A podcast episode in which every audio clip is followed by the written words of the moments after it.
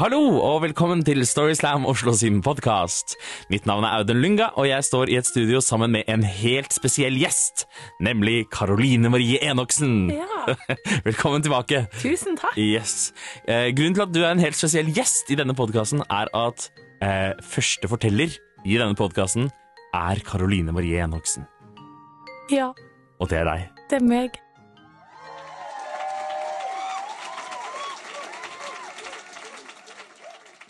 Som mange av dere her inne bor jeg i Oslo. Men det har jeg ikke alltid gjort.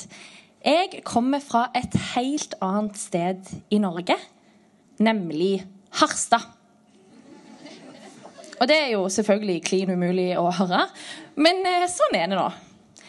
Og grunnen til dette er at min pappa var i militæret i Nord-Norge, der han traff min mamma. Og de ble kjærester. De var aldri gift, men skilt. Det ble de. Så i 1994 så flytta meg og mamma til det som er paradis for de som elsker Mia Gundersen, oljepenger og skarre-r, nemlig Stavanger. Mens pappa, som hadde forelska seg i nordnorsk natur, fiske og midnattssol, han ble værende igjen i nord. Og Dette resulterte i at jeg, ikke mindre enn seks ganger i året, reiste de 751 milene fra Sola flyplass via Oslo til Harstad-Narvik lufthavn Evenes. Og med en mamma i sør og en pappa i nord, ja, da blir man ganske fort reisevant. Før fylte syv år så hadde jeg tatt mer fly enn all annen form for offentlig transportmiddel.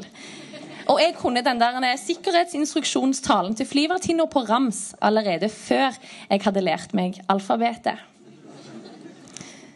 Dette betyr òg at jeg hadde gått med dette her velkjente 'Jeg reiser alene'-skiltet. Flere ganger enn det jeg kunne telle. Og etter hvert så begynte jeg å bli ganske lei av de rutinene som dette skiltet her førte med seg.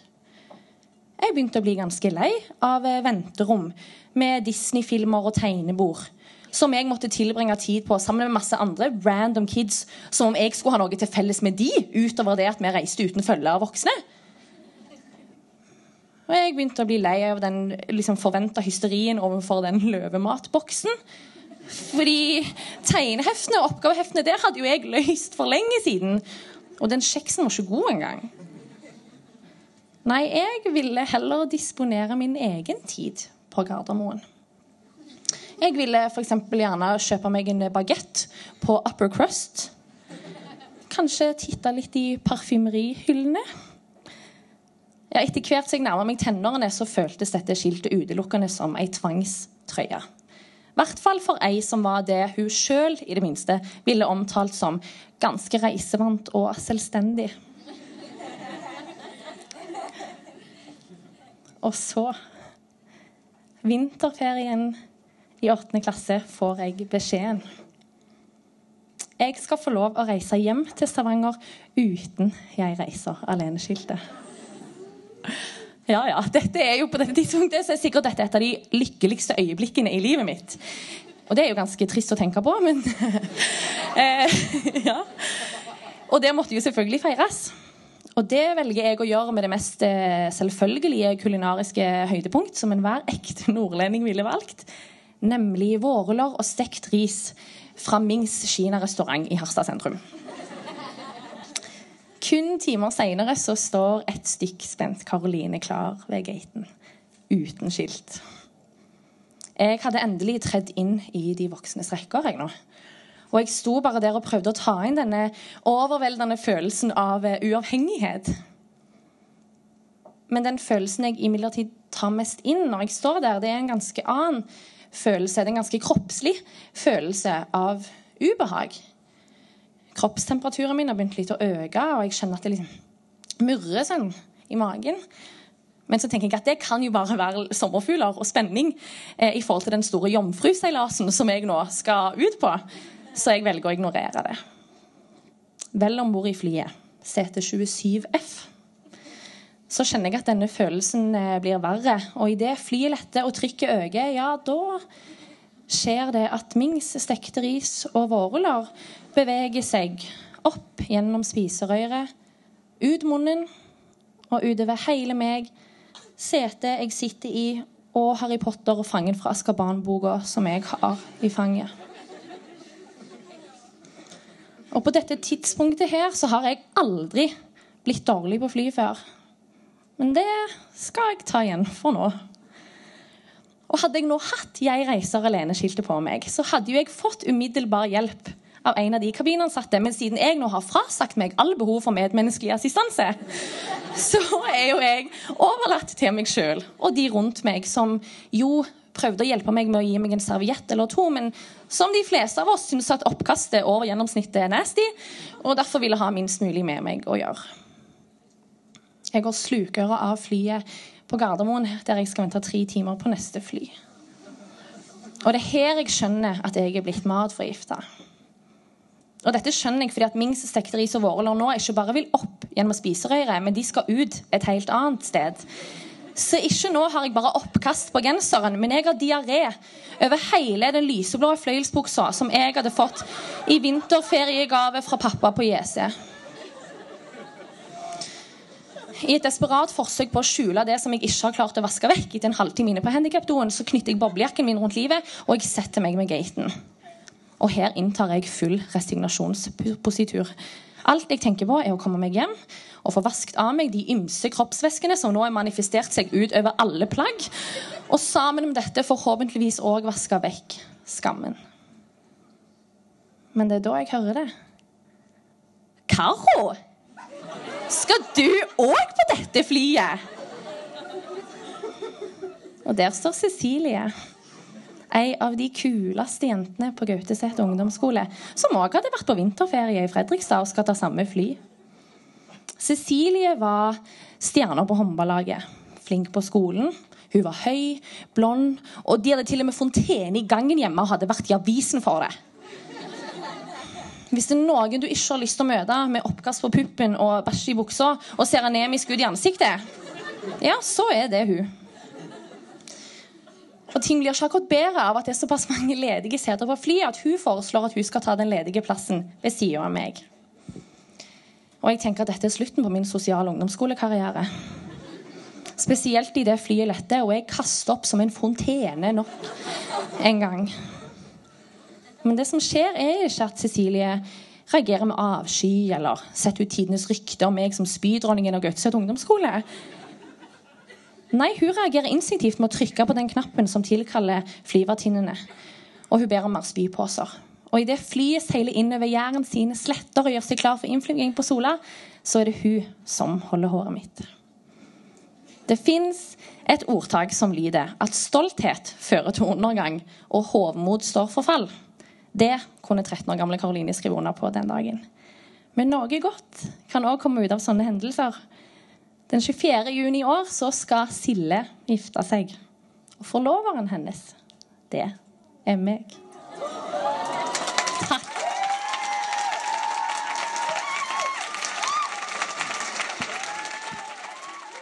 Tusen takk til deg, Karoline. Jo, vær så god. Eh, ja, nå som vi for en sjelden gangs skyld faktisk har eh, en av fortellerne våre i podkaststudio, så tenkte jeg at jeg skulle benytte anledningen til å spørre deg hvordan kom du på historien din? Ja, eh, det er jo et godt spørsmål.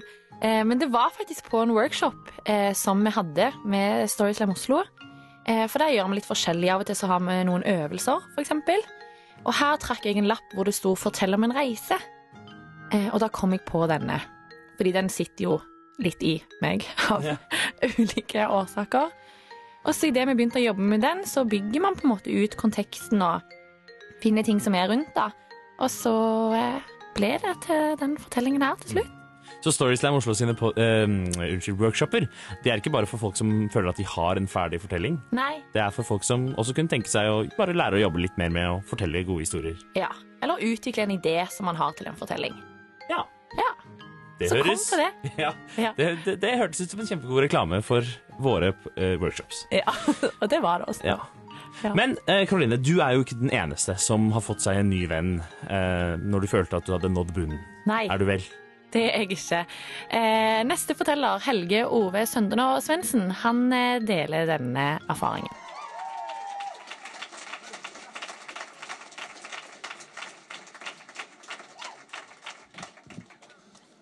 Vi må snakke sammen. Det er fire ord du ikke vil høre når du er i forhold. Og Når du får høre de ordene, så er det som noen tar en granat med iskrystaller og sprenger det inn i brystet ditt. Og isen bare raser gjennom årene dine og helt opp til hjernen. Og alt du klarer å høre, er de fire ordene. Vi må snakke sammen. Det skjedde med meg for noen måneder siden, og i desember så ble jeg dumpa. Og når du blir dumpa, så får du sånn hull inni deg. Og det prøver du å fylle på forskjellige måter. Noen velger trening, noen velger Tinder, noen velger stalking. Og noen velger å fylle det hullet med fylla. Jeg valgte fylla. Men uansett hva disse tingene du velger, så tror jeg det er jævlig viktig å vite når du treffer bunnen. Og jeg traff bunnen noen uker seinere, på juleferie i Stavanger. Jeg har vært ute på byen, og jeg hadde hatt noen kompiser som hadde kjøpt masse alkohol til meg. For noen ville trøste meg for å bli singel, noen skulle feire at jeg ble singel. Men det ble veldig masse alkohol. Men så kjenner jeg liksom at det hullet den kvelden det lot seg ikke fylle. Så jeg kjente at nå må jeg bare komme hjem. Så jeg begynner å gå hjem, og der, på vei hjem, ser jeg en katt.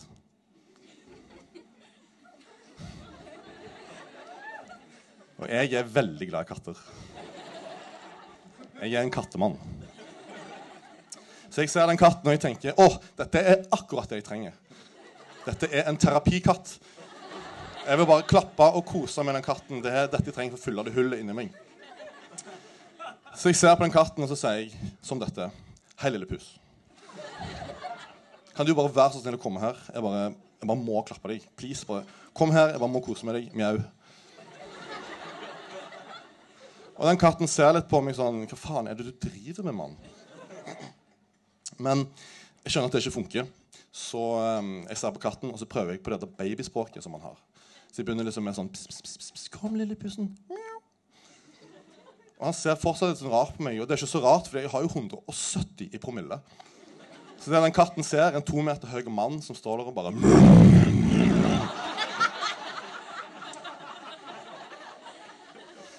Men han kommer bort til meg til slutt, og han begynner å stryke seg inntil beina mine. Og jeg begynner å klappe han, og han er så myk, han er så god. Og han begynner å male. Ting bare føles veldig bra. Men så plutselig så snur han rumpa si mot meg. Og halen begynner liksom å riste litt. Altså Akkurat som han begynner å twerke. Og så Og så pisser han på meg. Og så går han fornøyd inn i en hage. Og da treffer jeg bunnen.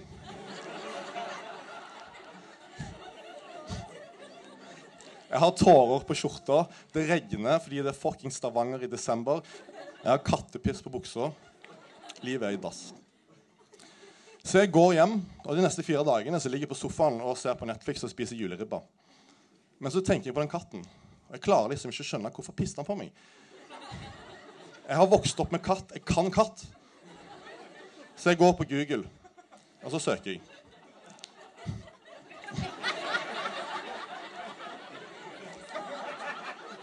Why does cats pee on me?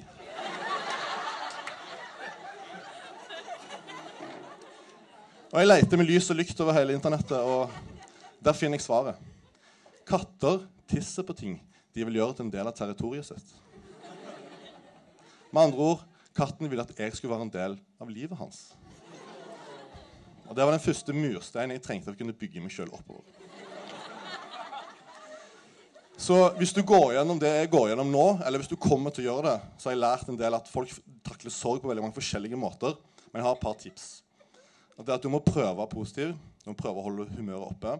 Og så må du tenke at det finnes noen der ute som vil ha deg. Akkurat nå så kan det være det bare er en katt. Men det er en start.